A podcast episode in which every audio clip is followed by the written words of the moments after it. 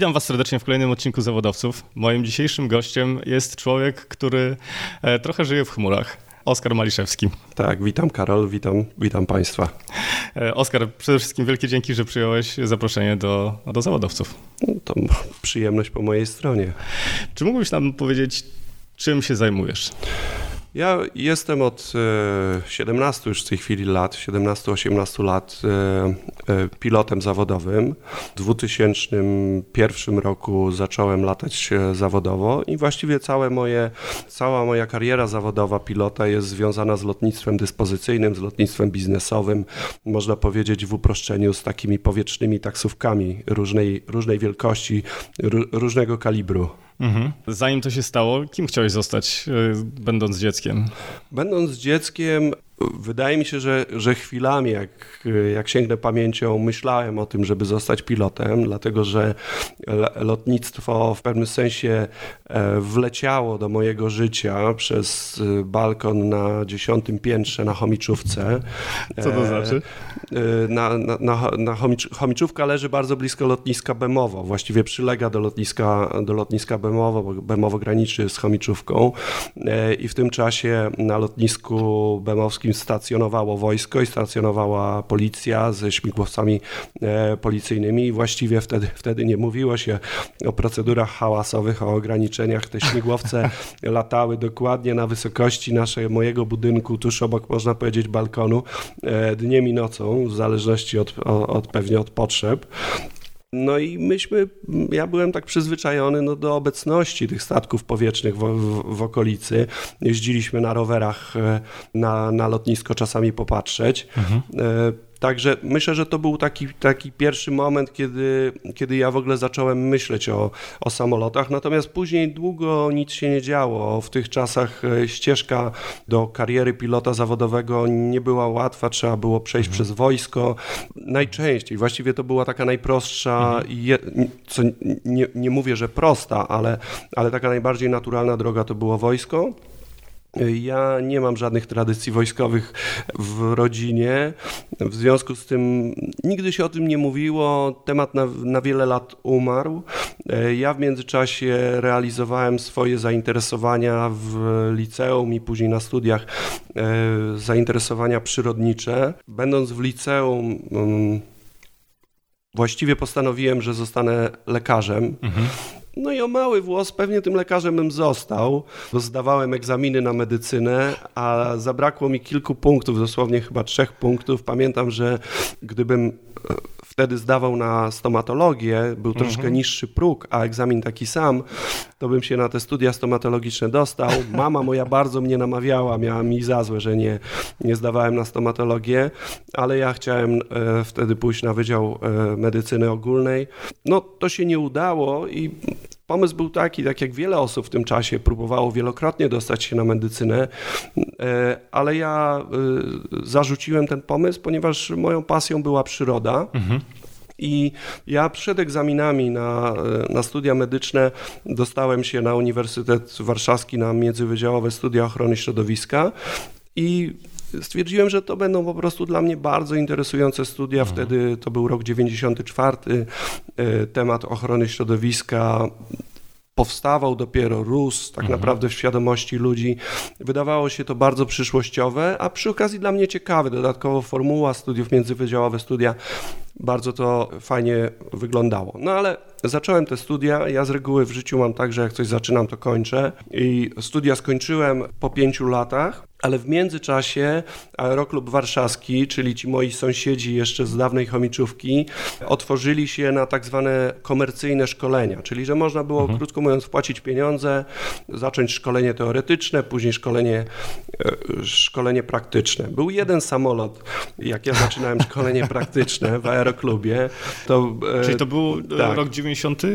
E, to był rok, wydaje mi się, że to był rok 96 albo 7, kiedy mhm. ja zacząłem latać.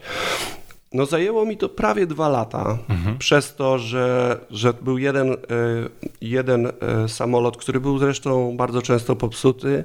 Pamiętam do tej pory, to był Koliber o znakach rejestracyjnych Sierra Papa Eco Romeo Papa. Na nim, na nim właściwie się wyszkoliłem. E, dwa lata mi to zajęło. Gdybym później miałem porównanie, robił to w Stanach Zjednoczonych, zajęłoby to maksymalnie dwa miesiące. I stąd jak gdyby też moja decyzja w roku 99 ja odebrałem odebrałem e, w czerwcu odebrałem zarówno e, dyplom magistra, jak i licencję e, pilota samolotowego. Mhm turystyczną taką licencję, czyli tą pierwszą, która nie uprawnia do, do latania za pieniądze, nie tak. uprawnia do latania zawodowego, ale można samemu sobie latać dla przyjemności w dobrych warunkach z rodziną, ze znajomymi. Ja odebrałem po prostu te, te dwa dokumenty i już wcześniej podjąłem decyzję, że wyjeżdżam. Miałem wizę, udało mi się uzyskać wizę do Stanów Zjednoczonych, zresztą do Australii też, bo było mi wszystko jedno, gdzie pojadę się uczyć dalej, mhm. E, bo już wtedy wiedziałem, że dla mnie kontynuacja kontynuacja nauki i szkolenie do, do licencji pilota zawodowego to był dla mnie jedyne wyjście jako, e, jako tak recepta na przyszłość. Mhm.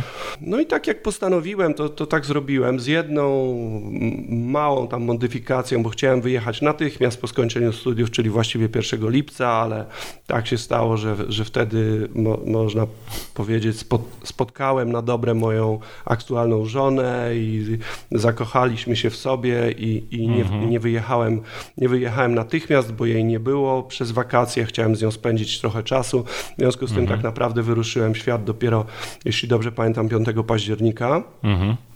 99 roku.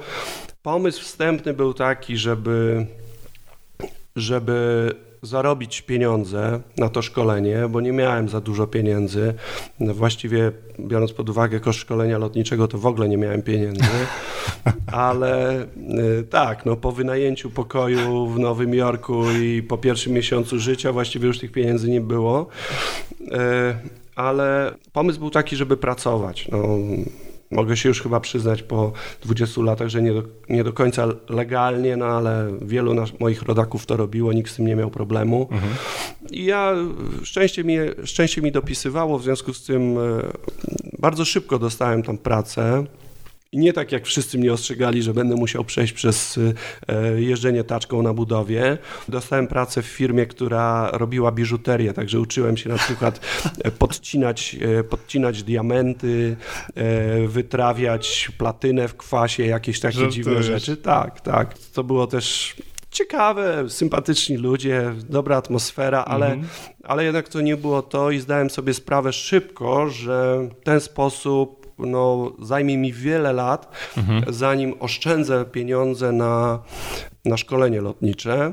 W związku z tym jak mi coś zaczyna doskwierać, to ja zaczynam dość szybko działać i po jakichś dwóch miesiącach takiej pracy e, napisałem taki, e, taki list, pomógł mi w tym brat mojego przyjaciela, który tam mhm. mieszkał od wielu lat, e, bo chciałem, żeby był ładnie napisany ten list. Mhm. On był krótki, ale treściwy i w treść streszczając była taka, że jestem świeżo upieczonym magistrem z Polski, właśnie skończyłem studia, przyjechałem do Stanów Zjednoczonych, mam licencję turystyczną, mhm. czyli Private Pilot License, um, przekładając na angielski i zrobię wszystko za, w zamian za szkolenie lotnicze.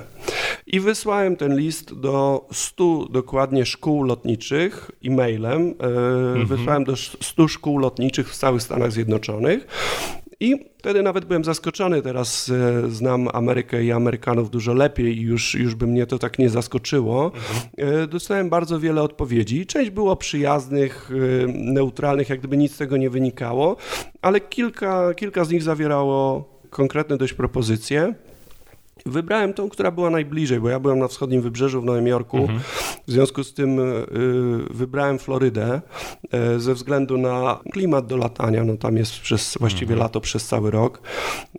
Troszkę ciężkie lato w, w lecie, w, w, tych miesiącach letnich, no to, to są burze, to nie jest łatwo i jest mhm. bardzo gorąco, ale ogólnie da się latać przez cały rok i ćwiczyć.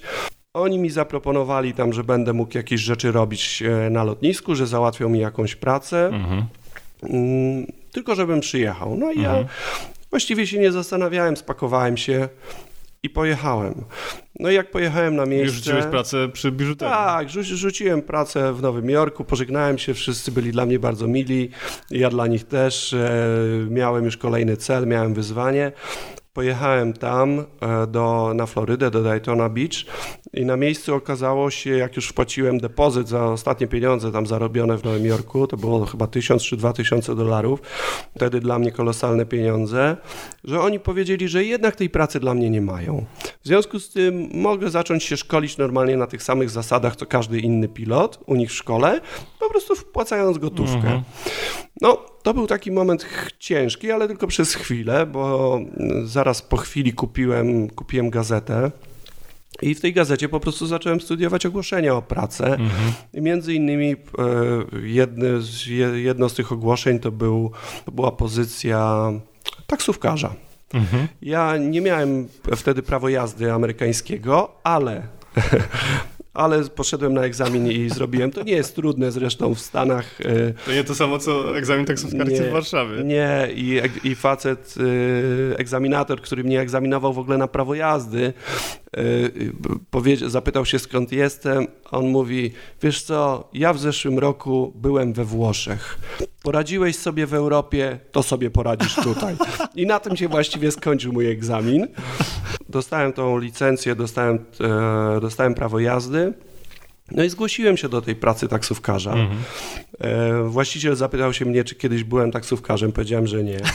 Zapytał się mnie, czy mam czyste prawo jazdy, czyli czy mam jakieś Tak. punkty karne. Ja powiedziałem, że nie, bo mam je od wczoraj.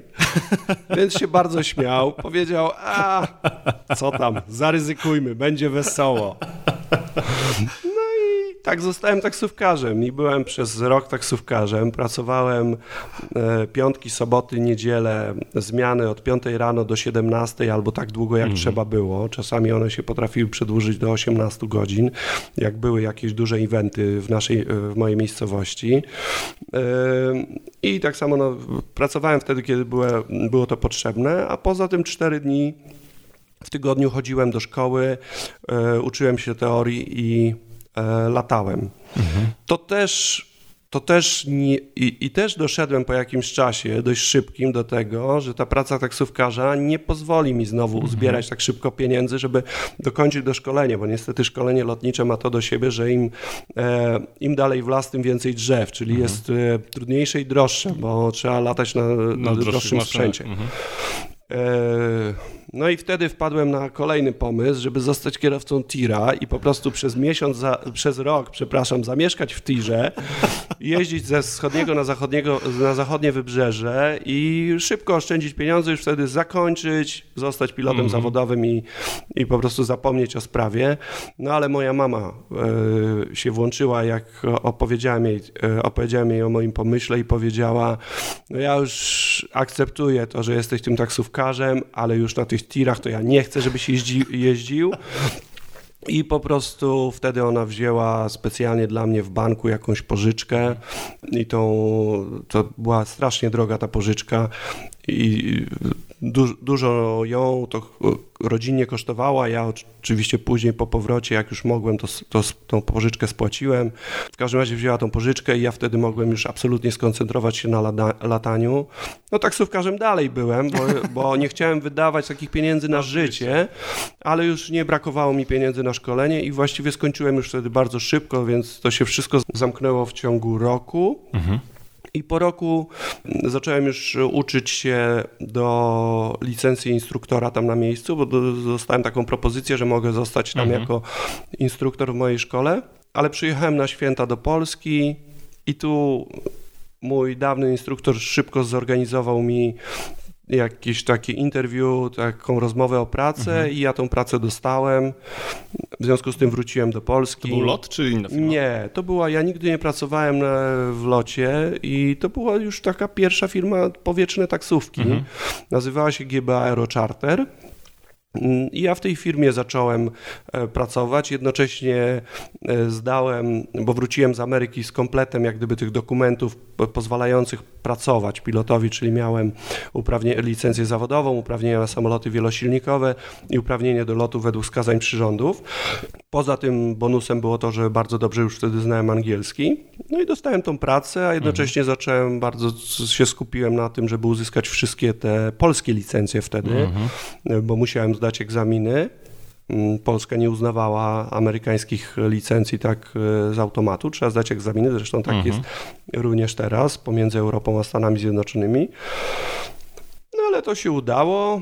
Latałem dwa lata y, tymi samolotami. To były ciekawe loty, bo nie tylko woziliśmy pasażerów, ale mieliśmy też umowy podpisane ze szpitalami, woziliśmy narządy do transplantacji i woziliśmy ludzi przed transplantacjami, także to było taki, były to takie podniosłe loty, mhm. bo woziliśmy tych pacjentów, którzy no, byli przed wielką zmianą życiową, no i czasami wychodzili z tego obronną ręką, czasami mhm.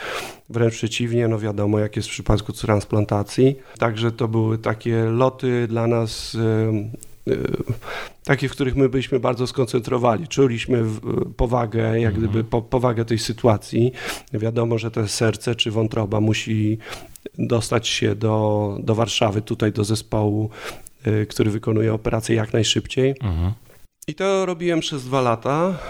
Bardzo było ciekawe, dobre doświadczenie. Też szybko dosta, wysoko została mi powieszona poprzeczka, ponieważ mhm. dość szyb, bardzo szybko y, została podjęta decyzja, że mam awansować na kapitana, w związku z tym mając tam, nie wiem, 350-400 godzin zacząłem latać y, y, właściwie w każdych warunkach. Po... Bo wyjaśnijmy tylko, bo wcześniej latałeś jako pierwszy oficer, tak? Wcześniej latałem jako uczeń, mhm. znaczy no jako uczeń w szkole oczywiście, to pod nadzorem instruktora, ewentualnie sam ze sobą na pokładzie, jak gdzieś tam po trasach latałem, a teraz y, zacząłem, później w Polsce zacząłem latać jako oficer, mhm. czyli jako drugi pilot, no ale bardzo szybko, no nie wiem, to minęło parę miesięcy, pół roku, dostałem awans na mhm. kapitana, no i to była ogromna odpowiedzialność. Mhm którą ja czułem, szczególnie, że te loty to były loty często trudne, w trudnych mhm. warunkach pogodowych.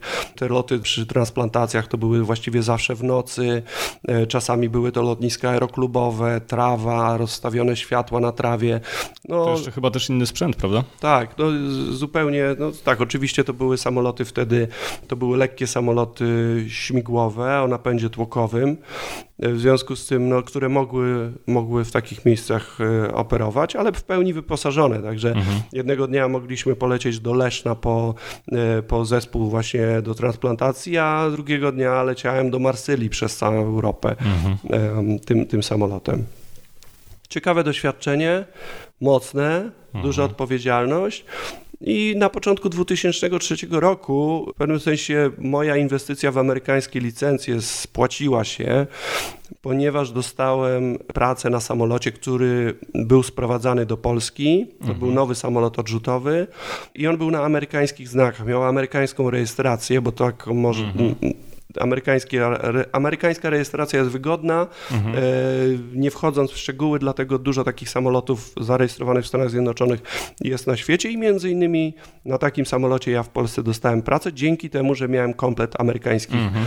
E, licencji. I właściwie to było 15 lat temu i od tamtej pory przez 15 lat pracowałem w jednej firmie, przechodząc e, z maszyny na maszynę, e, przez e, od tego samolotu Citation, Cessna Citation Jet 2, mhm. samolot odrzutowy, przez Challengera 300, później już absolutnie taka e, ekstra klasa, jeśli chodzi o samoloty biznesowe, czyli ciężki samolot biznesowy dalekiego zasięgu, bardzo, bardzo szybki Bombardier Global Express mhm. i w tej chwili latam już nie w tej firmie, bo, bo właśnie jestem w trakcie e, zmiany pracy, ale latam cały czas na e, samolocie Gulfstream 650 e, ER Extended Range, e, który ma 7,5 tysiąca mil morskich zasięgu. Żeby zobrazować, to to jest samolot, którym da się przylecieć e, z Honolulu, z Hawaju bezpośrednio do Warszawy, mhm. czyli właściwie jest to samolot, który no, przez biegun jest w stanie przylecieć dookoła świata. Mhm. Bardzo ciekawy, wspaniały samolot, jak do tej pory najlepszy samolot, jakim ja latałem mhm. i absolutnie najbardziej prestiżowy, najbardziej zaawansowany samolot, najszybszy w tej chwili samolot cywilny na świecie. Mhm. E, wspaniała maszyna. E, chcę, chcę kontynuować jak gdyby latanie tym samolotem za, e, za wszelką cenę, bo po prostu bardzo, mhm. bardzo, go, bardzo go polubiłem. Mhm. Czy właściciel jest Polakiem?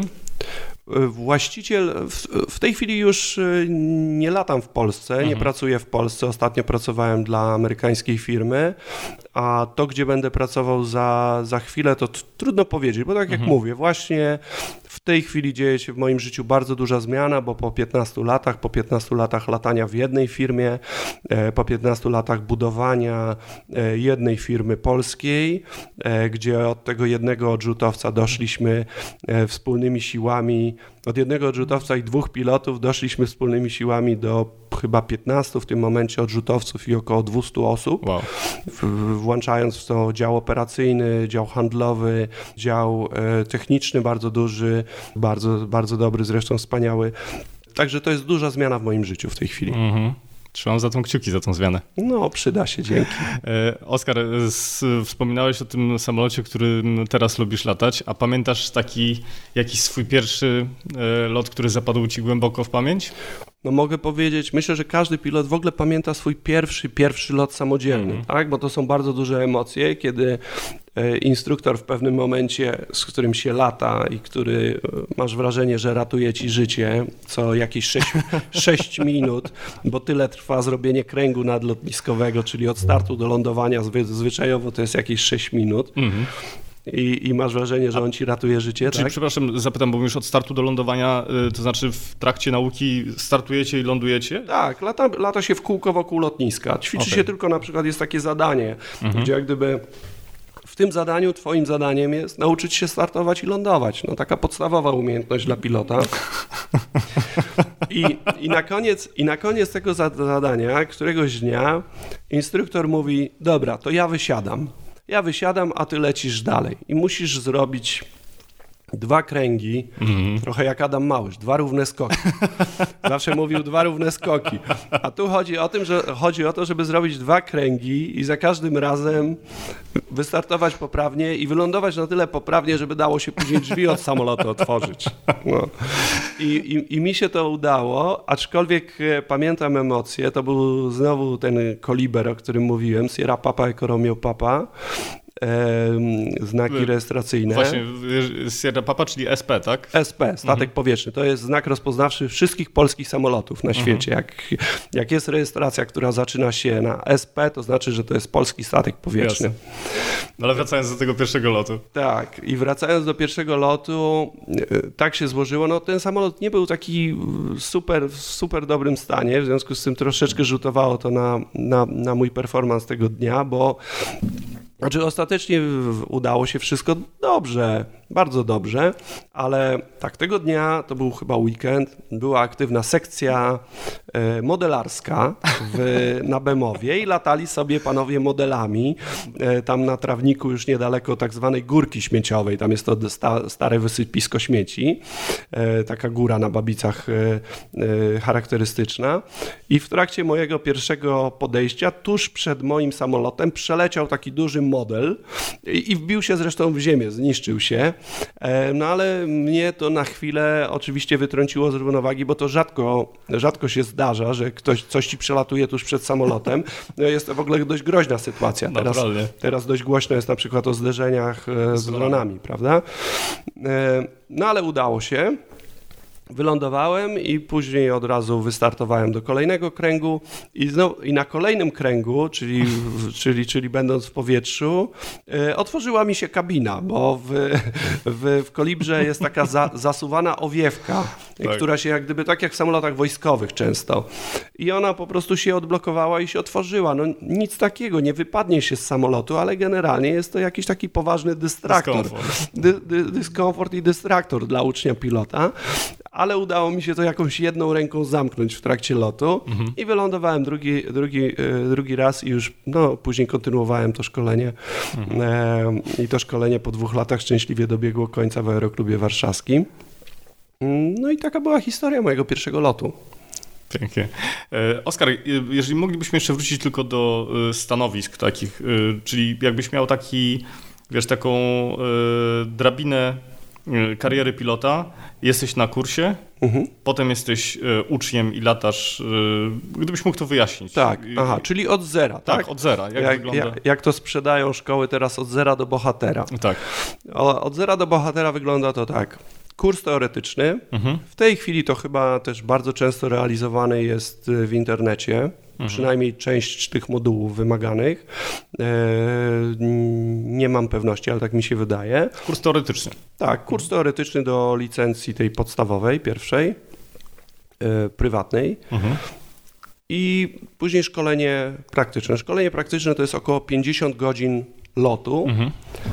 I jeżeli ktoś się zastanawia nad tym, czy zostać pilotem, na przykład marzy o tym, mhm. to to ja właśnie po prostu nie jest w stanie przeskoczyć tego etapu, mhm. a właściwie po tym pierwszym, pierwszym zadaniu, po, ty, po tej pierwszej licencji już będzie wiedział na pewno, mhm. czy, czy chce to kontynuować, czy nie. A to jest, no można powiedzieć, takie pierwsze koty za płoty. To jest dopiero początek. E, można to zrobić w tej chwili, myślę, spokojnie w ciągu jednego sezonu, czyli na wiosnę, tak jak teraz mhm. zrobić, e, zrobić szybko kurs teoretyczny i przez wiosnę, lato, jesień wylatać, e, wylatać te niezbędne godziny i mhm. nauczyć się latać, odebrać pierwszą tekturę, jak, e, jak, to, jak to się mówi nasz, e, naszym żargonem. I ta licencja turystyczna, ona nie uprawnia oczywiście do latania, ona się nie nazywa w tej chwili turystyczna, to jest chyba po prostu licencja pilota samolotowego, tak mhm. tak się nazywa. I to jest dobry punkt startu, żeby, żeby przejść później do, do licencji zawodowej. E, a tak naprawdę w tej chwili każdy, kto myśli o, o licencji, o lataniu liniowym, mhm. to już po tej licencji tur, e, pierwszej e, robi kurs teoretyczny do do tak zwanej licencji Frozen ATPL, czyli Frozen Airline Tra Transport Pilot License i to jest już ta licencja docelowa. To jest ta mhm. licencja, którą można uzyskać um, dopiero jak się, y, jak się lata w liniach tak naprawdę mhm. w przewozie. W małym lotnictwie nie można tej licencji uzyskać, y, ale już wszyscy zdają ci, ci, którzy myślą o lataniu zawodowym, zdają te egzaminy, mhm. i, a, a, jednocześnie no, drugi tor, drugim torem idzie szkolenie, e, szkolenie Praktyczne. praktyczne. I to szkolenie praktyczne to są szereg zadań do licencji zawodowej. To się ćwiczy e, ko kolejne rzeczy, po prostu doskonali mhm. e, umiejętności lotnicze i między innymi też e, tam w międzyczasie istotne bardzo jest uprawnienie do lotów według wskazań przyrządów czyli takie bezwidoczności, mhm. uprawnienie do lotów na samolotach wielosilnikowych. Mhm. Na jakimś etapie też jest potrzebny e, kurs e, współpracy w załodze. Jest mhm. to dość skomplikowane, ale mhm. trzeba zacząć od pierwszej, pierwszej licencji się nie ominie, a no oczywiście lotnictwo, ja zawsze mówię, ja nikogo nigdy nie namawiałem, nawet jak 6 lat prowadziłem szkołę lotniczą, myśmy w pewnym momencie z przyjacielem, z, przyjaci z, z, e, z przyjaciółmi mieli dobrze prosperującą szkołę lotniczą e, ale nigdy nikogo nie namawiałem, bo to jest ryzykowne. Mhm. Tak? I w lotnictwo jest niestety tak skonstruowane, że najtrudniejszy, najbardziej niebezpieczny moment jest na początku. Kiedy się lata, kiedy się nic nie umie, nie ma się absolutnie wyobraźni i lata się na najsłabszym sprzęcie. Mhm. Dobrze, i czyli Oskar, ile potrzebuje czasu, żeby od dzisiejszego dnia wysłać CV do linii lotniczej? A masz pieniądze? O to też chciałem zapytać. Jeśli masz pieniądze, to myślę, że potrzebujesz, że może ci się to udać zrobić e, w półtora roku, mhm. że jesteś w stanie to zrobić. Dwa sezony mhm. w Polsce, jeżeli robisz to w Polsce, plus przepracowany w międzyczasie czas nad teorią mhm. i nad egzaminami do ATPL Frozen, które są takimi... Egzaminy po angielsku oczywiście. Egzaminy po angielsku i e, no tak, oczywiście, bo to też jest podpowiedź, a niektórzy o tym zapominają, mhm. że, że jeszcze w tym wszystkim trzeba znać dobrze angielski, bo egzamin z angielskiego jest w tej chwili e, obowiązkowy e, i przeprowadzany jak gdyby e, częściowo komputerowo, oceniany poza granicami często kraju, w zależności od szkoły, mhm. jest obiektywny, krótko mhm. mówiąc, nie da się prześlizgnąć. Mhm. Tak? Mm, także jeżeli teraz powiesz, że, że masz pieniądze, a to oznacza, myślę, że to w polskich warunkach powinno oznaczać między 200 a 300 tysięcy złotych. Mhm. I jak ma, Bez poprawek? Masz, tak. No to już jest, y, myślę, że w tych 300 to już na pewno wszystko zawiera, łącznie z mhm. tym, że gdzieś coś ci się opóźni, noga ci się powinie i tak mhm. dalej. A, a 200 raczej bym przyjmował, że to jest takie minimalne. No i mhm. pewnie wszystko zależy od tego, bardzo wiele zależy od tego, gdzie to będziesz chciał robić, tak? Bo też e, e, ceny się różnią i na pewno w Warszawie są inne inne ceny niż gdzieś tam w jakimś aeroklubie. Mhm. Jakbyś stwierdził, że na wakacje chcesz, chcesz gdzieś wyjechać, będzie ci taniej, będzie mhm. ci e, dobrze, szybciej i tak A gdzie dalej. można się uczyć w Polsce latania? W bardzo wielu miejscach, ale na pewno mhm. ośrodkiem, e, ośrodkiem, który który jest y, no, prężny, to jest tutaj Warszawa i to jest mhm. Aeroklub Warszawski historycznie i kilka szkół e, mhm. prywatnych, e, ale są też poza, poza e, Warszawą i to trzeba o tym powiedzieć, bo to jest ważne dla młodych ludzi, którzy, mhm. którzy chcieliby zostać lotnikami, a a nie mają takich pieniędzy, mhm. to jest liceum zawodowe w Chełmie, które kształci lotników mhm. i kształci dobrych lotników. Ja sam przez lata zatrudniłem wielu lotników stamtąd. A drugą taką szkołą, która jest od zawsze i to historycznie zawsze wypuszczała 15 pilotów, wypuszczała 15 pilotów rocznie, to jest Politechnika Rzeszowska, która mhm. również kształci e, dobrych specjalistów. W tej chwili jest takie zapotrzebowanie na rynku w Polsce, że linie lotnicze udają się bezpośrednio do szkół i podpisują wstępne umowy z ludźmi, którzy jeszcze siedzą w ławkach, że będą na nich czekać, jak oni wyjdą ze szkoły. W ławkach e, szkolnych. Szkolnych, ale stu, studenckich, tak? E, e, tak samo w liceum, jak gdyby po maturze idą latać ludzie od razu. Okay mając 19 I, lat i, i zestaw dokumentów. Linia płaci za, za tak, szkolenie. i mają linie, mają takie programy dla kadetów. Mhm. To są tacy bardzo młodzi adepci. Oni przechodzą trochę inne szkolenie, mhm. trochę później inne jest ich wejście, e, wejście na linię do latania liniowego, mhm. ale generalnie jest taka możliwość. Wystarczy, mhm. wystarczy być dobrym, wystarczy zdać egzaminy, zakwalifikować się do tych klas. No, oczywiście to nie jest być może proste, tak? Mhm. Ale można to zrobić i można to zrobić właściwie bez, bez kosztów. Różnica jest duża. No, ale musisz mieć 18 lat. E, no do liceum to nie. Tam jest liceum, tak? Jest taka szkoła zawodowa w Chełmie. Mhm. To jest chyba status ma, nie wiem, czy to ma status liceum, czy mhm. technikum. No a Politechnika Rzeszowska, no to normalnie po maturze, tak, tak, ale tak. wychodząc stamtąd również masz, masz mhm. tytuł magistra inżyniera pilota.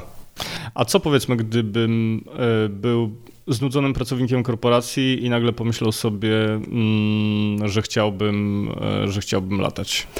To ja, ja wiele takich rozmów w, w życiu odbyłem i ja bym ci polecił, mhm. żeby mhm. zanim zdecydujesz się na to, że lotnictwo jest dla ciebie, to żebyś dowiedział się o, o czegoś o tym lotnictwie. W związku z tym e, ja bym ci polecił, żebyś e, może tej wiosny e, odpuścił sobie karnet na siłownię albo imprezowanie co piątek i sobota, tylko zapisał się właśnie na intensywny kurs, zrobił szybko teorię i jeszcze w tym w tym roku zaczął latać mhm. i zamiast jechać na urlop, to żebyś ten urlop spędził na lotnisku w Warszawie, Mhm. A później umawiał się z instruktorem i później wcześniej o godzinie 6 albo 7 rano przed pracą i, i to sprawdzi tak naprawdę i twoją prawdziwą motywację mhm. i w ten sposób dowiesz się, czy to jest dla ciebie, tak? Bo to nie jest taka łatwa ścieżka. Nie wystarczy mieć, e, e mieć e, pieniądze i wyobrazić sobie mhm. siebie w kokpicie samolotu. Szkolenie lotnicze nie jest łatwym szkoleniem i każdy inaczej je odbiera. Także... Chciałem Ciebie zapytać, jeżeli chodzi o szkolenie lotnicze, po pierwsze angielski mówiłeś. Tak. A po drugie, co, fizyka? To znaczy, oczywiście, no... Jakie umiejętności, wiesz, musi tak. posiadać pilot? Nie jest, nie jest to ściśle określone. Mhm. Czasami zdarza się, że w ogłoszeniach o, o pracę już dla takich doświadczonych pilotów jakaś linia lotnicza wymaga na przykład przynajmniej licencjatu, bo tak naprawdę do latania zawodowego wyższe wykształcenie nie jest potrzebne, wystarczy matura albo ekwiwalent matury gdzieś tam, gdzie indziej na świecie, średnie wykształcenie, krótko mówiąc. E, I czasami jakieś linie na przykład proszą o, chcą zatrudniać ludzi, którzy mają background techniczny. W tej chwili to się zmieniło, bo w ogóle linie lotnicze w, na świecie mają kłopot ze znalezieniem odpowiednich kandydatów e, i trochę zostało to zliberalizowane. Także nie powiem ci, jakie, powiem ci, jakie przedmioty ułatwiają. Czy u- ułatwia matematyka, ułatwia fizyka, to jest oczywiste. Naturalnie. Ale, ale także jeżeli miałbym komuś radzić, to bym powiedział, no tak, ucz się matematyki, bo matematyka królową nauki zawsze ci pomoże we wszystkim i taka jest prawda. E, ucz się fizyki, bo będzie ci łatwiej zrozumieć, dlaczego samolot lata i dlaczego różne rzeczy się z nim dzieją w trakcie lotu i ucz się angielskiego. No dobrze, a Oskar, jeszcze takie pytanie, wiesz, podrążę tą kwestię y, finansową. Jeżeli miałbym 30 kilka lat Mhm. i e, chciał nauczyć się latać Mhm. i wiesz, i e, byłbym zaangażowany, zdeterminowany i tak dalej, ale nie miałbym tej gotówki. No tak, no to y, jeżeli nie miałbym tej gotówki, no to... To znaczy, czy kariera e, pilota jest możliwa do rozpoczęcia w, mając 30 kilka lat? Tak. I y, w momencie, kiedy nie idziesz do tego liceum, do, na Politechnikę Rzeszowską i tak dalej. Jest, jest możliwa, jest szczególnie w dzisiejszych czasach, jest możliwa. No oczywiście, jeżeli nie ma się gotówki, to skąd się trzeba wziąć, Mhm. tak? I ja już znam różne scenariusze, sprzedaż mieszkania, sprzedaż samochodu, kredyt, pożyczka gotówkowa. Pytam bardziej o to, czy y, są na przykład programy, które pro, realizują linie lotnicze, które szukają. Nie, o czymś Mhm. takim raczej nie słyszałem i linia lotnicza zawsze, jeżeli ma zapłacić za czyjeś Mhm. szkolenie, to będzie miała wystarczająco e, kandydatów, którzy mają 19-20 lat Mhm. e, i takich będzie, takich będzie promowała. Czyli tak czy inaczej musisz w jakiś Jeżeli ktoś tą... ma 30 parę Mhm. lat i doświadczenie w biznesie, a e, i chciałby się wyszkolić, to raczej nie widzę innego scenariusza niż to, że Mhm. miałby za to zapłacić. Pewnie. No dobrze, wiesz, y, to przejdźmy w takim razie jeszcze do ciebie. Tak. E, Chciałbym się dowiedzieć, y, Oskar, co daje tobie latanie? Mi latanie daje ogromną satysfakcję. Mhm. To jest, to jest pewnie na pierwszym, na pierwszym miejscu trzeba wymienić. No na drugim to jest źródło mojego utrzymania od wielu lat, utrzymania dla mnie i dla mojej rodziny. Czyli jeżeli łączę satysfakcję z, e, z pieniędzmi, z wynagrodzeniem, no to, to właściwie można powiedzieć, że daje mi bardzo dużo to latanie. Mhm. Tyle mogę powiedzieć chyba. E, No daje mi też przyjemność. No, Właśnie, wiesz, chciałem o to zapytać, jak się czujesz, jak, y, jak latasz? Latanie jest taką. e, Latanie daje adrenalinę Mhm. na pewno, e, którą w pewnym czasie daje możliwość zwiedzenia świata. Mhm. Ja ten świat e, obleciałem, obleciałem dookoła dziesiątki razy, e, setki razy przez oceany. E, Latałem, byłem w takich miejscach, które, które trudno jest znaleźć na mapie.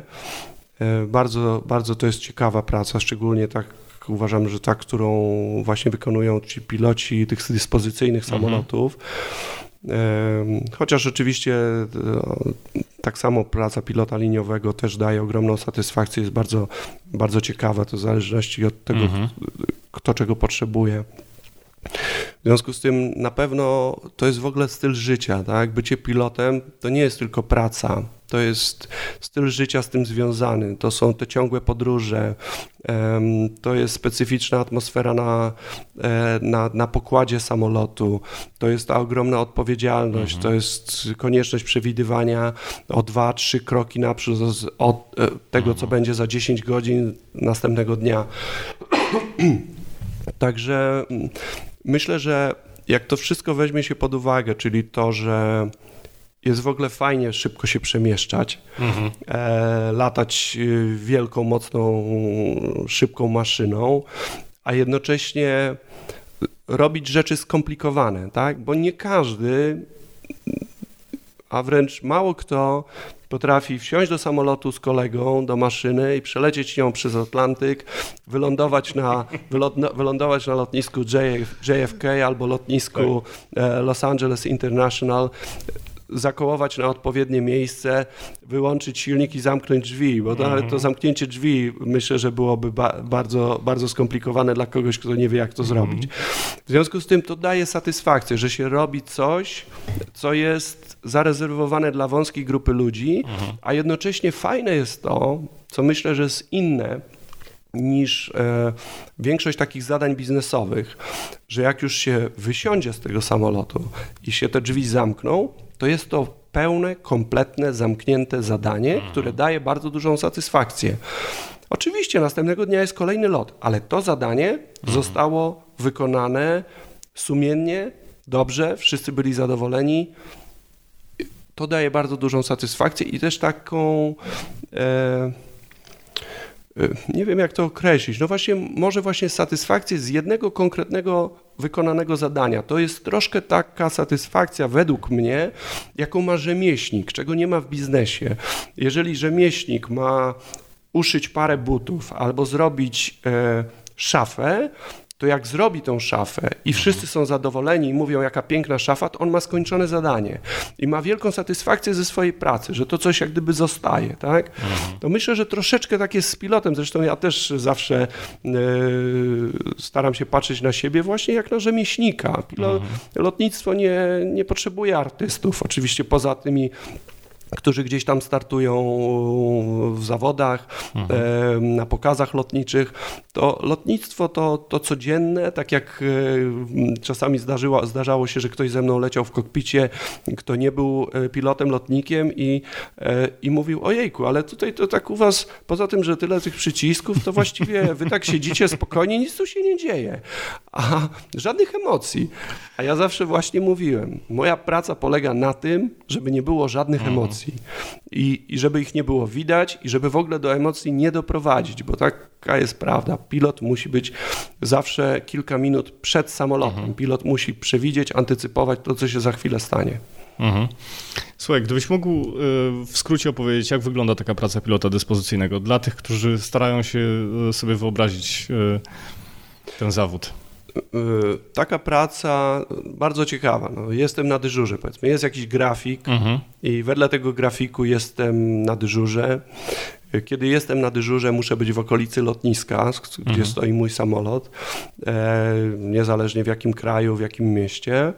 Muszę być gotowy na to, że, że ten samolot za chwilę, mhm. za chwilę dostanie zlecenie i na przykład jestem w Nicei, Mam tam być przez trzy dni, bo taki jest plan, ale w międzyczasie e, jest zapotrzebowanie na lot do Nowego Jorku i z powrotem. I ja muszę być na to gotowy, czyli krótko mówiąc, walizka spakowana, mhm. z, e, co zresztą u nas, u nas w branży, u nas w firmie często się zdarza, że że, że piloci, stewardesy jeżdżą ze swoimi walizkami w bagażnikach i mhm. ich nie, nie wypakowują, bo jak przychodzi nagłe zlecenie, to po prostu trzeba jechać na lotnisko i tam się przebrać na mhm. miejscu.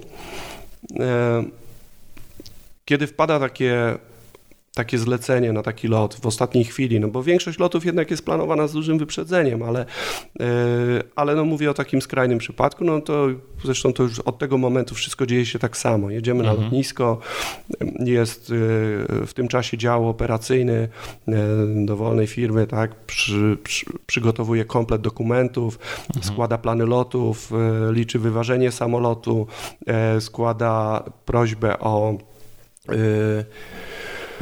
o zgody na przelot, zgody na lądowanie, sloty, czyli takie przydzielone czasy startu i lądowania mhm. na lotniskach. To wszystko jest skomplikowane. W, mhm. tym, pomaga, w tym pomaga dział, e, e, dział operacji lotniczych, dział operacyjny jak gdyby na ziemi. Mm, a pilot ma za zadanie przyjechać na lotnisko, mówiąc żartem, trzeźwy i wypoczęty. trzeźwy i wypoczęty i musi być gotowy do, e, musi być gotowy do wykonania lotu, mhm. musi natychmiast zabrać się do oceny tej dokumentacji, którą przygotowuje dział operacyjny, bo oczywiście dział operacyjny y, ma bardzo odpowiedzialną pracę, ale to pilot podpisując się pod dokumentami, kapitan statku powietrznego bierze na siebie właściwie całą mhm. I z tymi dokumentami udaje się do samolotu. Samolot w tym czasie jest e, na przykład tankowany przez, e, e, przez dział techniczny i przygotowywany do wylotu. I załoga, tak jak u nas, standardem w mojej firmie, w której do niedawna pracowałem, było to, że od dwie godziny mija od momentu zlecenia takiego lotu mhm. do momentu startu samolotu i wielokrotnie e, udawało nam się dowodzić, że jest to możliwe, mhm. że samolot odrzutowy rzeczywiście w ciągu dwóch godzin startuje, a czasami nawet ten czas ograniczaliśmy. Mhm. I tak wygląda, a później e, lecimy i może być to e, może być to dla małego samolotu Kraków, Praga, Nicea, dla średniego e, może być to Dubaj, mhm. Londyn albo Wyspy Kanaryjskie, a dla takiego samolotu, na których ja latam, na którym ja latam od, od 10 lat, to może być Nowy Jork, Los Angeles, Singapur, mhm. Hongkong, Tokio, lecimy tam na miejsce i z reguły wtedy zasługujemy na wypoczynek. wypoczynek. Idziemy do hotelu i czasami jest to tak zwany minimalny wypoczynek, bo mamy już kolejne zlecenie mm, i wtedy tak naprawdę mamy tylko czas na posiłek i na sen i lecimy dalej kolejny, mm, w kolejne miejsce, albo zostajemy na dłużej i mamy trzy dni, żeby na przykład sobie pozwiedzać e, Tokio. Mhm. Właśnie chciałem zapytać Ciebie, czy masz jakąś ulubioną trasę albo ulubione lotnisko?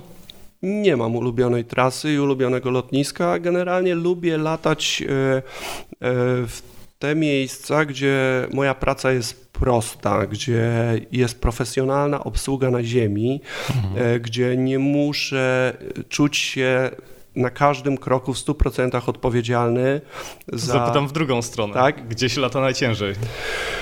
Tam się lata najciężej, gdzie nie ma, y, nie ma odpowiedniej osłony na ziemi, czyli gdzie ludzie nie mają doświadczenia w obsłudze na przykład takich samolotów, jakie, y, jakimi ja latam, w obsłudze samolotów odrzutowych, gdzie nie ma odpowiedniego sprzętu, mhm. czyli jest ogromna różnica między lotniskiem w San Diego, czy w Nowym mhm. Jorku, czy w Tokio, gdzie jest doskonała obsługa. Tak wymarzona, a jakimś izolowanym lotniskiem e, w Ugandzie albo w, e, gdzieś w Mauretanii, gdzie zdawało, mhm. zdarzało mi się bywać, zanim, zanim e, jeszcze stało się to miejsce tak niebezpieczne, jak jest, jest teraz, gdzie, mhm.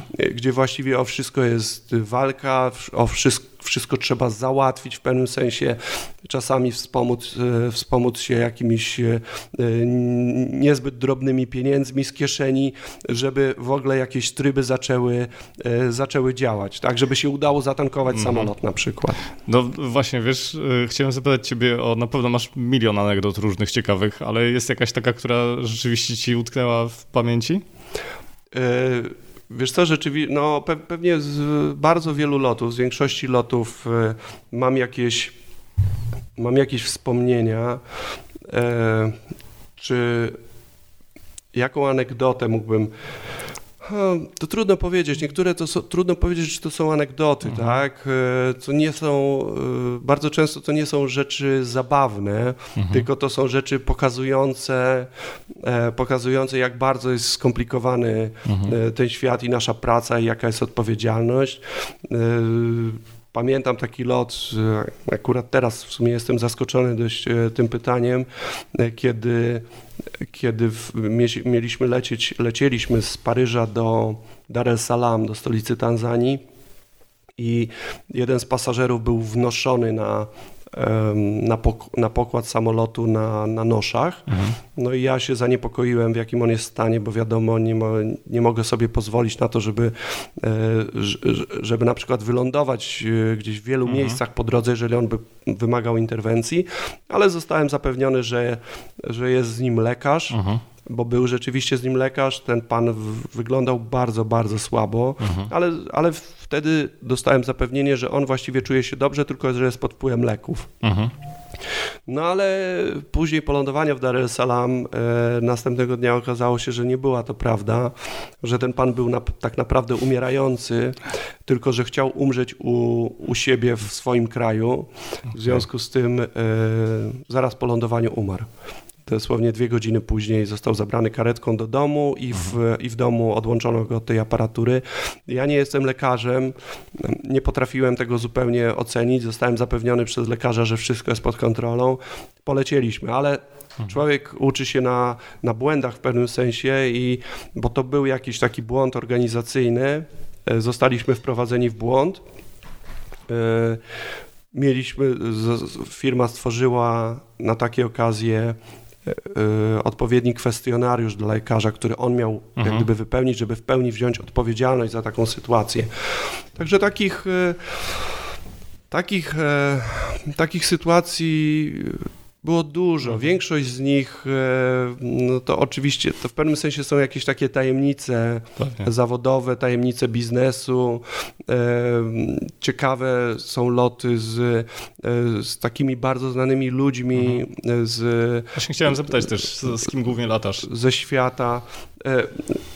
To są, no, mogę Oczywiście powiedzieć... bez nazwisk, pytam o, tak jest. Wiesz, o... Oczywiście mogę powiedzieć, że, że latam z ludźmi bardzo zamożnymi, mhm. albo z takimi, za, które, za których płaci jakaś instytucja, bo to są niesłychanie drogie rzeczy, tak? Wynajęcie mhm. takiego dużego samolotu odrzutowego i są to ludzie bardzo często z pierwszych stron gazet, w moim przypadku raczej nie, nie polskich stron gazet, mhm. bo, bo naszymi klientami myśmy na te duże samoloty y, dalekiego zasięgu w Polsce praktycznie nie mieli klientów. Mhm. E, głównie mieliśmy klientów w, w Chinach, w Rosji, w Stanach Zjednoczonych, mhm. e, w zachodniej Europie trochę.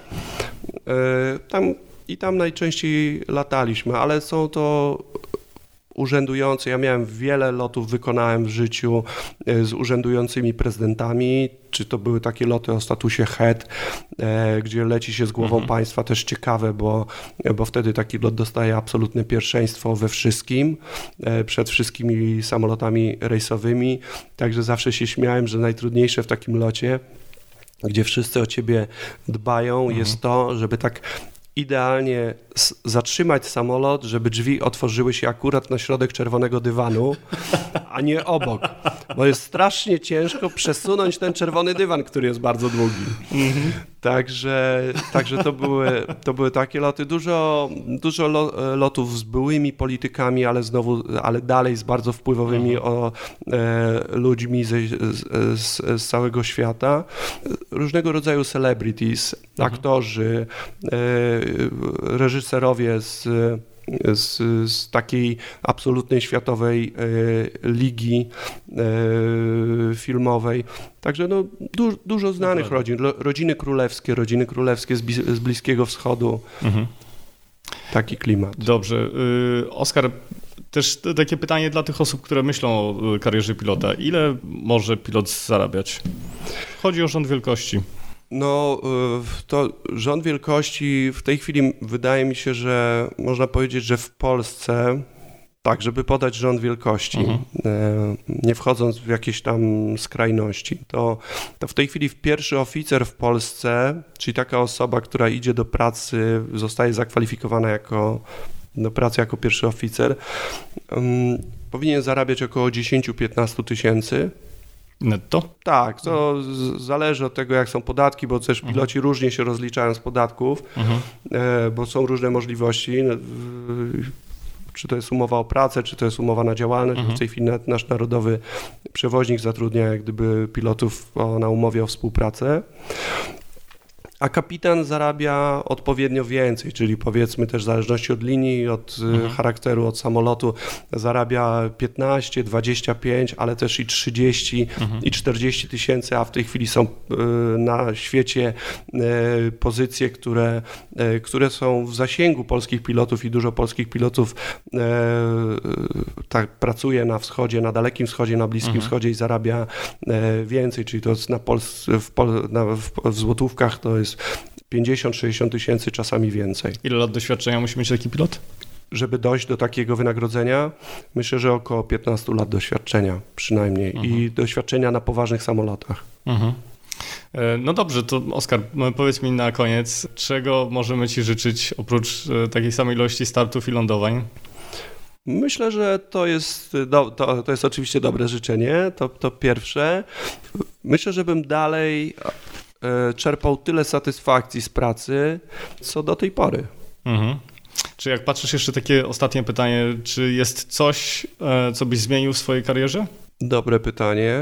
Jestem bardzo zaskoczony, ale jak spoglądam wstecz, to wydaje mi się, że optymalnie wykorzystałem ten czas, który był mi dany mhm. i nigdzie na nic nie straciłem tego czasu. E, bardzo intensywnie się rozwijałem przez ostatnich 20 lat e, i chyba nic bym nie zmienił, a jeżeli tak, to jakieś szczegóły, o których teraz nie pamiętam. Pewnie. Oskar, to była niezwykła przyjemność móc e, spotkać Ciebie i porozmawiać o Twojej pracy i pasji. Dziękuję Ci bardzo. To ja dziękuję. Dzięki.